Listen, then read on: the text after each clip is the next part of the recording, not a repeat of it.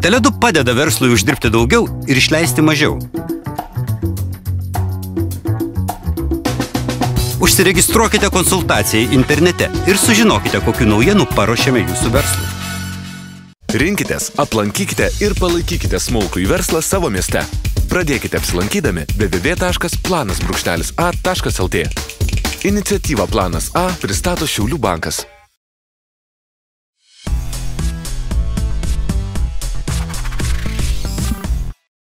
Tai sveiki, jūs žiūrite Pinigų kortos akademiją. Pilną šios laidos įrašą galite matyti Patreon platformoje Laisvės TV kanale.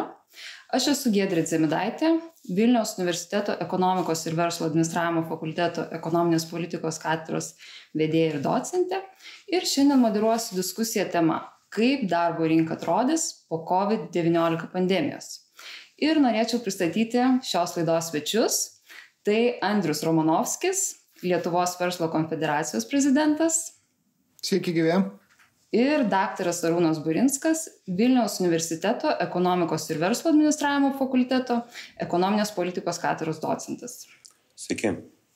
Ir šiandien kalbėsime apie tai, kaip darbo rinka pasikeis, ko galime tikėtis ir kam turime ruoštis. Ir tikėtina, kad na, nebūsime tokie patys, kokie buvome anksčiau. Ir ką galima matyti, kad jau praėjo daugiau nei metai nuo pandemijos pradžios jau esame sukaupę tam tikrą patirtį, galime matyti, kaip ši neįlinė situacija paveikia darbo rinką.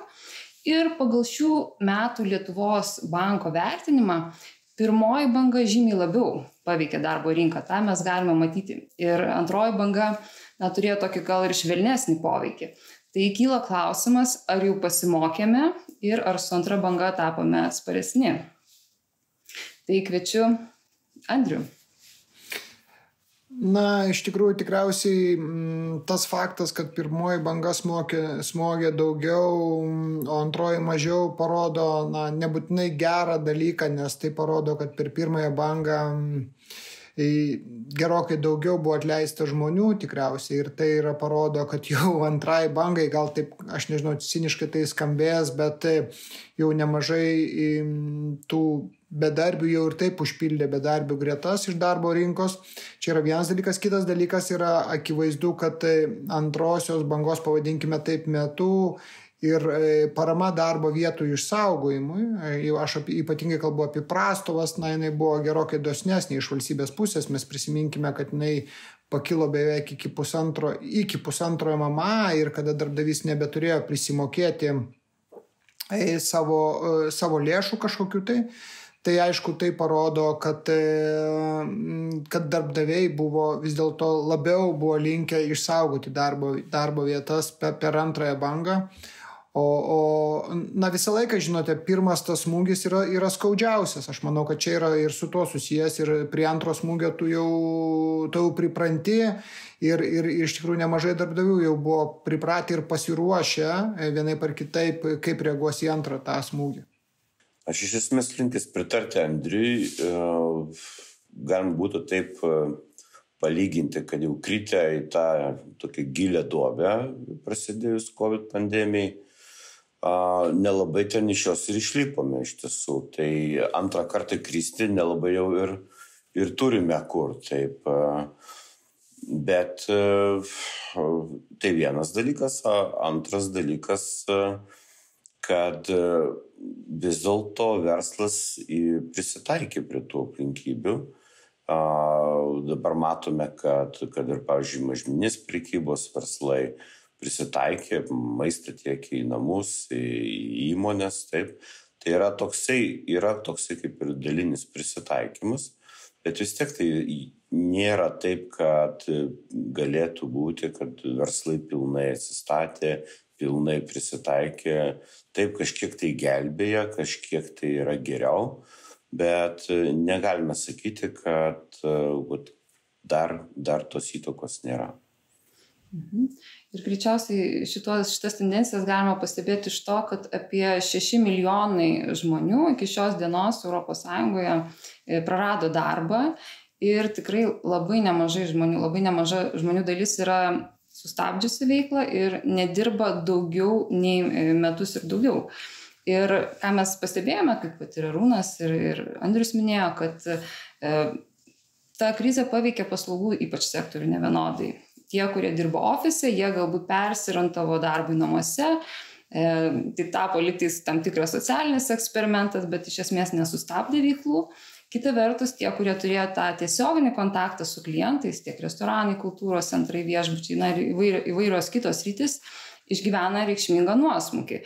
Ir tada kyla klausimas, na, kaip atrodys ta darbo rinka po pandemijos ir kokios bus šitų žmonių galimybės grįžti į rinką, na, vertinant tai, kad jau jie bus sustabdę savo veiklą metus ar daugiau. Tai arūnai, kaip, kaip galvotumai?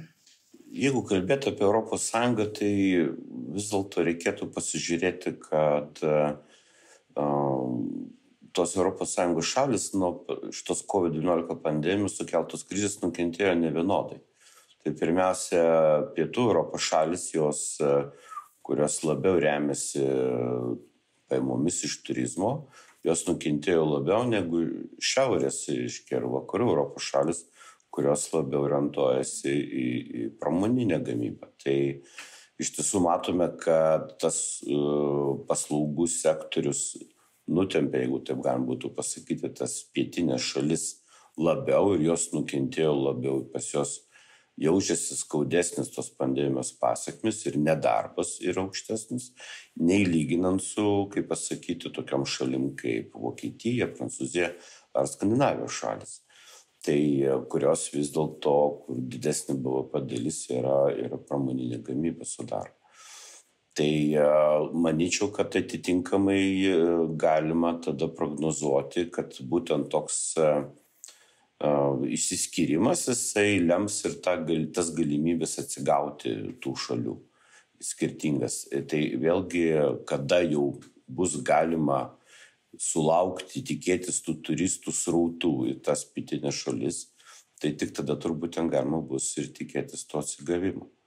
Andriu, kaip matytumėt e, situaciją Lietuvoje e, šiuo klausimu? Na, matote, tikriausiai reikia įskirti keletą elementų. Pirmiausia, žmonės, kurie dirba pagal darbo santykius. Tai aišku, jeigu tu prarandi darbo santykiuose darbą, tai grįžti į darbo rinką yra skirtingi skaičiavimai. Vat, e, gerbiamas Arūnas kaip, kaip ekspertas gal patikslins, bet tai yra gali ir metus, ir kitus užtrukti e, žmogui sugražinti ir, ir valstybė, ir visuomenė sugražinti tą, darbo, tą žmogų į darbo e, rinką.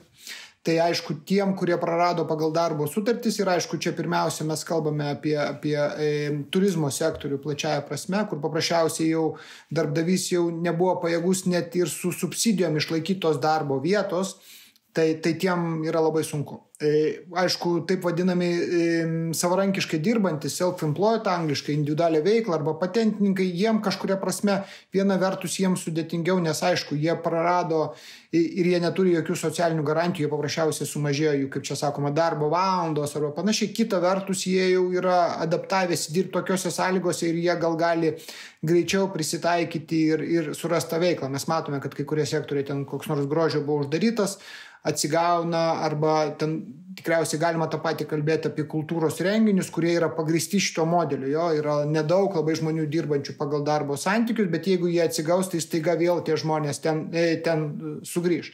Tai čia tikriausiai yra e, du tokie pagrindiniai elementai ir tada tas atsigavimas skirtingas, bet iš principo jo, dabar akivaizdu, kad jeigu tu praradai darbo vietą, Ir e, tai tas sugrįžimas yra labai, labai sudėtingas ir aišku, vėlgi ir tie sektoriai labai skirtingi. Kitose sektoriuose, pavyzdžiui, tie, kurie yra susijęs su gamyba, tai tie sektoriai arba net ir dalinai su priekyba, kuri, kada jinai paleista, kaip tik ten yra tam tikras kilimas. Tai gal čia sąlygos ir tam tikrą persirientuojama iš, iš, iš vienokios veiklos į kitokią, nes e, dažniausiai vėlgi, kas nukentėjo, tai yra tie, kurie gauna arba žemas pajamas arba vidutinės pajamas. Tai prasme, aukštos pridinės vertės, kurie dažniausiai dirba, na, neturi e, santykių su klientais panašiai, tai jiem tai neturėjo kažkokios, tai tikriausiai, jiem kaip tik gal čia buvo galimybių kažkoks tai laikas. Aš dar pritarčiau Andriui, kad e, ir, reiškia, ir mūsų ekonominės politikos ekspertai, ir, pavyzdžiui, Lietuvos banko atstovai nekartą yra minėję, kad labai svarbu yra būtent tos e, ekonominės politikos, reiškia, priemonės intervencijos valstybės paremiant labiausiai nukentėjusius sektorius, kad neleisti, kad atsirastų tokios jau, jau struktūrinės neigiamos, reiškia, tos krizės pasiekmes, taip, kad, kad pavyktų išlikti tiem verslam, kad jie nepradėtų atleidinėti žmonių masiškai, kad nepradėtų atsisakyti kažkokių tai veiklų ir panašiai. Tai šitie dalykai matome, kad vyksta, kad tiek Lietuvoje, tiek ES skiriama didelis lėšos ir tikėkime, kad užteks to iki numatomo atsigavimo. Dar toks viena pakankamai na, tikėta ar netikėta tendencija, na, kai mes kalbam, kad tikrai daug verslų užsidarė ir sustabdė savo veiklą, yra daug na, ats, nedirbančių arba na, sustabdžiusių savo veiklą. Visgi, ką galim pastebėti, kad pandemija beveik nesulėtino darbo užmokesčio augimo Lietuvoje. Ir 20 metais darbo užmokestis augo daugiau negu 10 procentų ir tai yra ženkliai sparčiau negu visoje Europos Sąjungoje ir kitose šalise. Ir ką tai parodo apie darbo rinką Lietuvoje? Kaip vertintumėte? Aš žinokite, aš taip pasakyčiau, e, aš tai visą laiką kritiškas buvau šitiem, e, aš suprantu vienos iš diskusijų, kada buvo čia dėl minimalaus mėnesinio atlyginimo kelimo pandemijos metu, visi rodė tos skaičius, kad žiūrėkite, kaip atlyginimai kelia.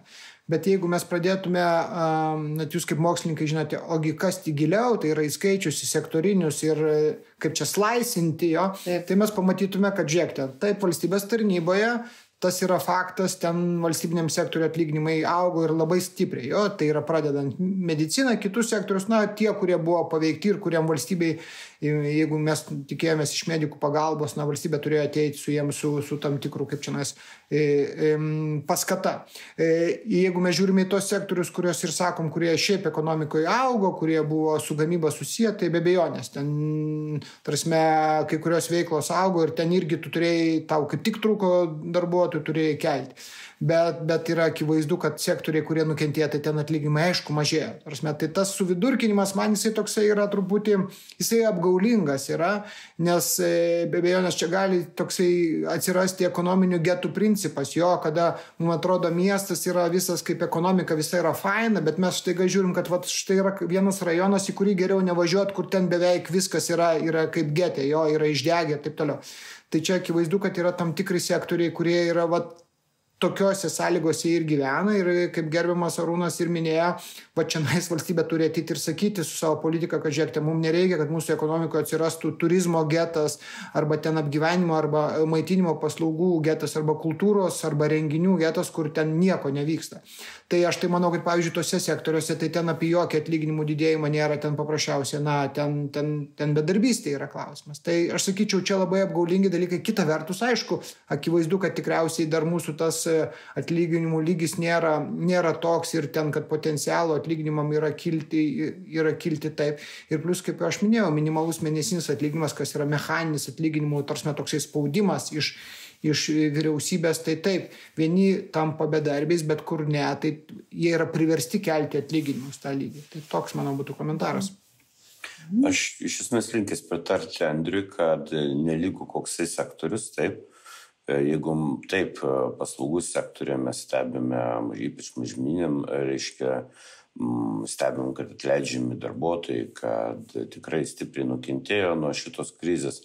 Tačiau turime sektorių, kurie auga, tai IT sektorius galų gale e, eksportas auga, reiškia, Lietuvos taip, tai vėlgi tikėtis, kad e, tuose sektoriuose bus kažkoks tai e, atlyginimų, reiškia, mažėjimas, tai tikrai neverta.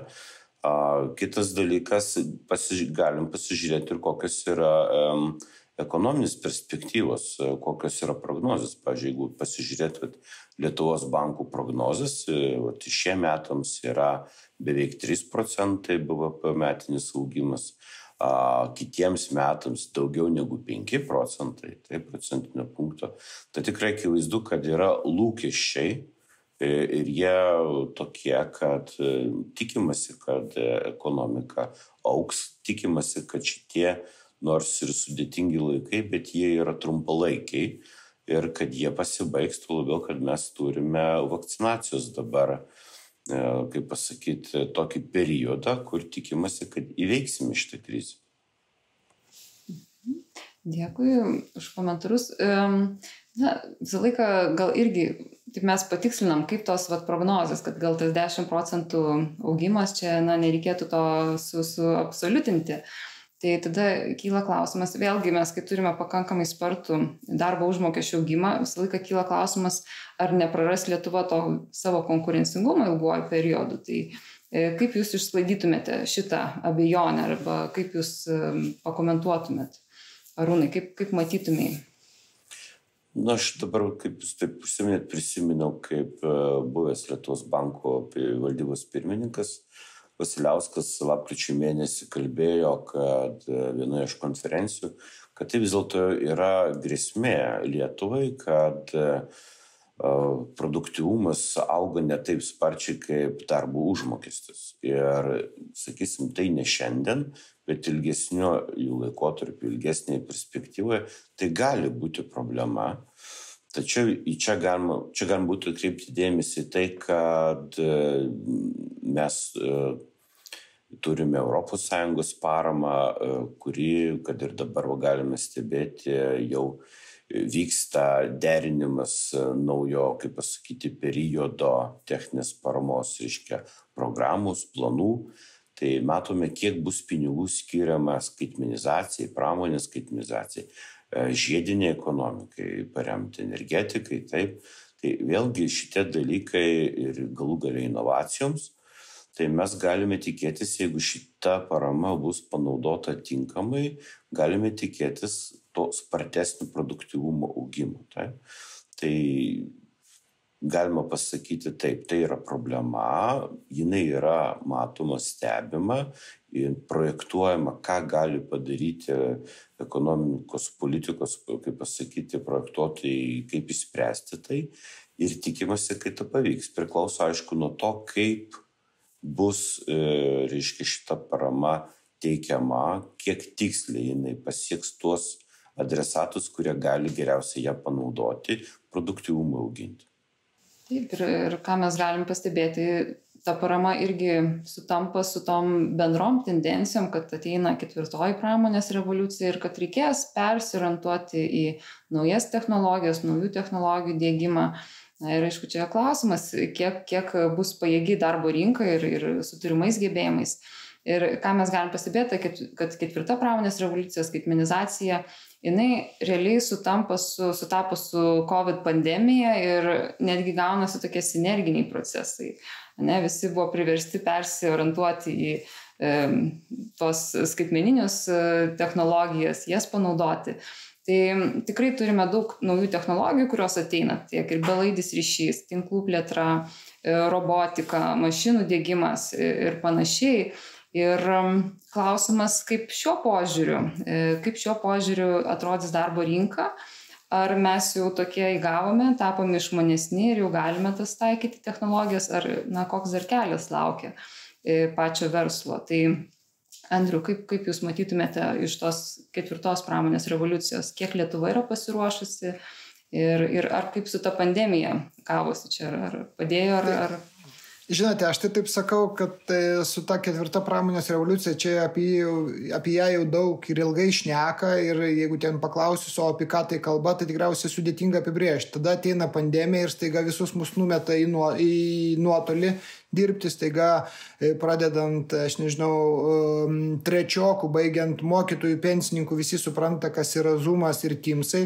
Ir tada ta visa e, revoliucija plačiaja prasme ateina gerokai greičiau. Tas pats yra ir su kitais dalykais, pavyzdžiui, žaliojo kursu arba visais dalykais, kurie irgi skatina mūsų į technologinį progresą. Tai kada ateina ta pati ES arba politikai, kurie pasako viskas, nebegali business as usual būti ir nebegalime mes e, važinėti tik tai dizeliais arba, e, nežinau, deginti dujas elektrai, gyvenimas turės pasikeisti ir mes turėsime Navalnį tokių politinių sprendimų perėti prie kitų technologijų, tada tai yra pastumėjimas ir verslui.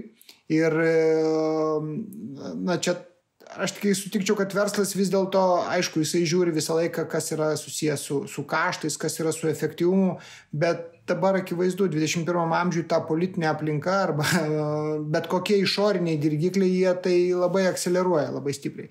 Tai aš net, net nebejoju, kad daugelis dabar procesų ypatingai paskubės ir, ir, ir, vis, ir, dar, ir darbuotojų elgsina pasikeis, ir jų įgūdžiai pasikeis. Ir, um, Ir aišku, čia yra tikriausiai svarbiausias yra klausimas, kiek, ką ir minėjote, kiek bus išorinės pagalbos tiem dalykam ir kiek bus stimulo. Nes tikriausiai vien tik tai stimulo neužteks, bet be stimulo irgi, irgi nepavyks. Tai, bet kad tie pokyčiai jau yra neišvengiami, aš sakau, na tikriausiai niekas net neįsivaizdavo, kad galime mes sustikinėti ir dirbti nuotoliniu būdu ir kaip tas efektyvumas pasikeičia. Nu, milžiniškai pasikeičia. Tas pats yra ir susiję ir su kitais dalykais.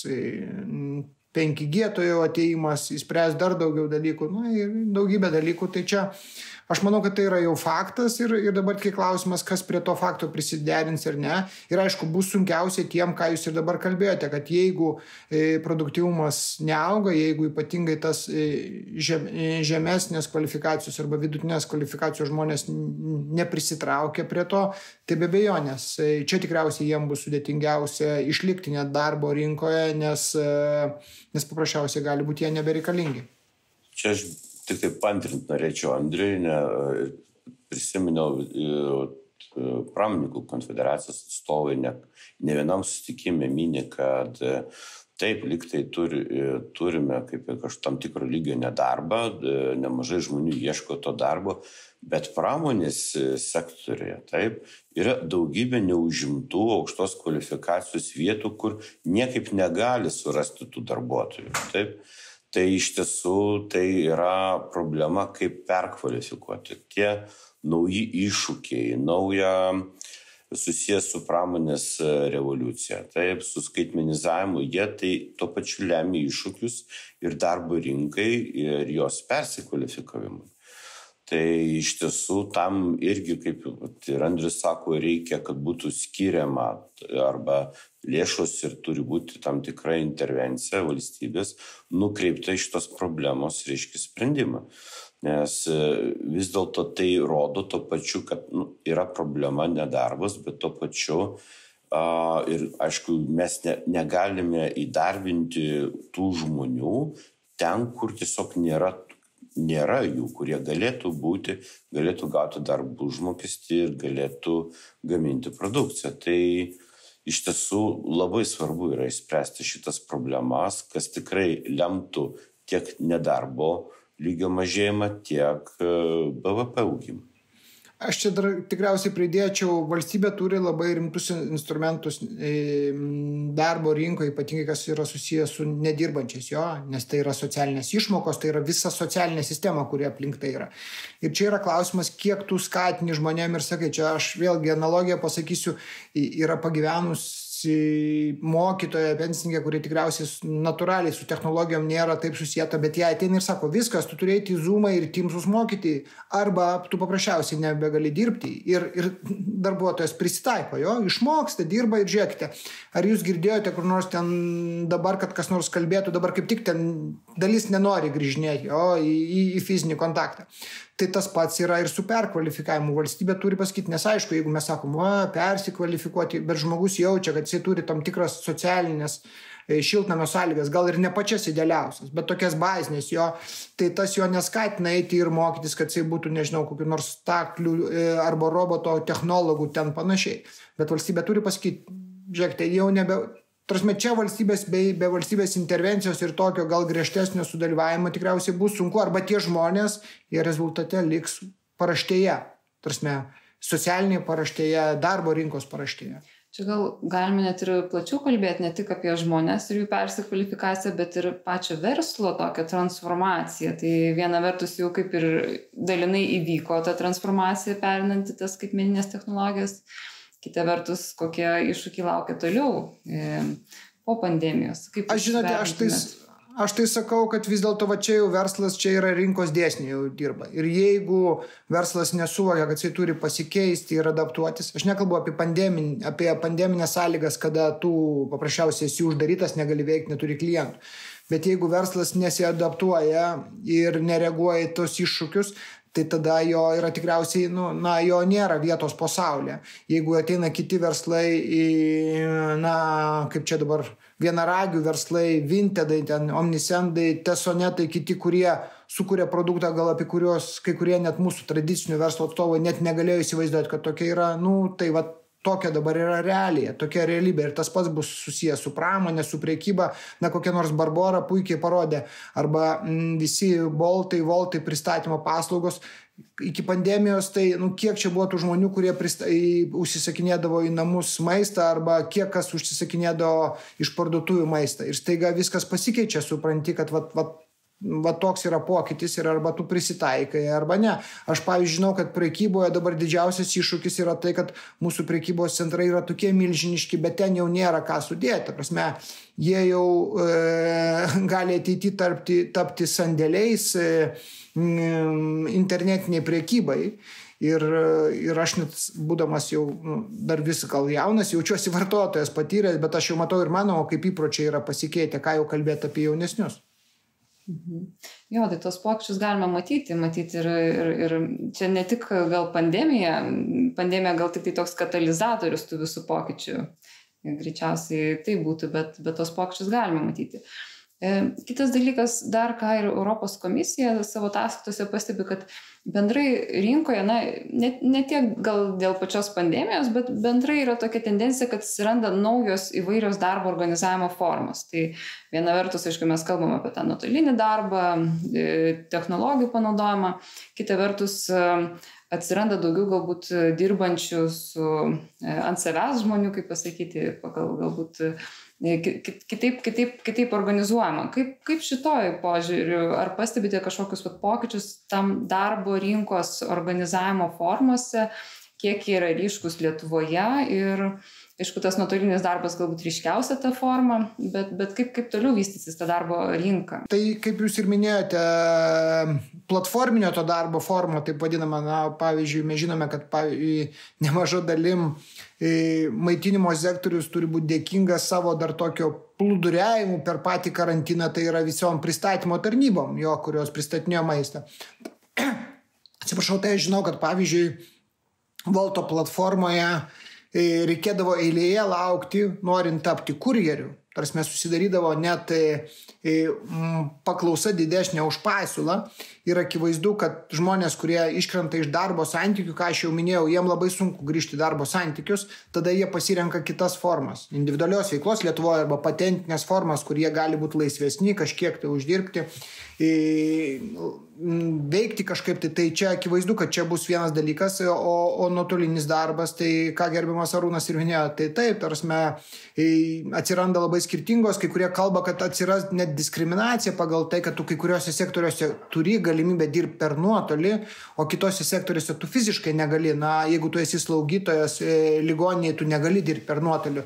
Tai čia ir tokie ir socialiniai tam tikri iššūkiai bus, e, kuriuos reikės e, arba viduje kolektyvų tų pačių, kada yra ir gamyba, ir administracija, kurie vieni vienaip gali dirbti, kiti kitaip. Tai čia, čia bus tokių ir iššūkių, kurios, su kuriais darbdaviai turės e, kalbėti. Aš pavyzdžiui žinau, vien, šeimoje yra valstybės tarnyboje dirbantis žmogus, tai valstybės tarnyba jau visa galvoja, kad prasme, tas, tas padalinys, kad gal reikėtų perėti į nuolatinį darbą per, per atstumą.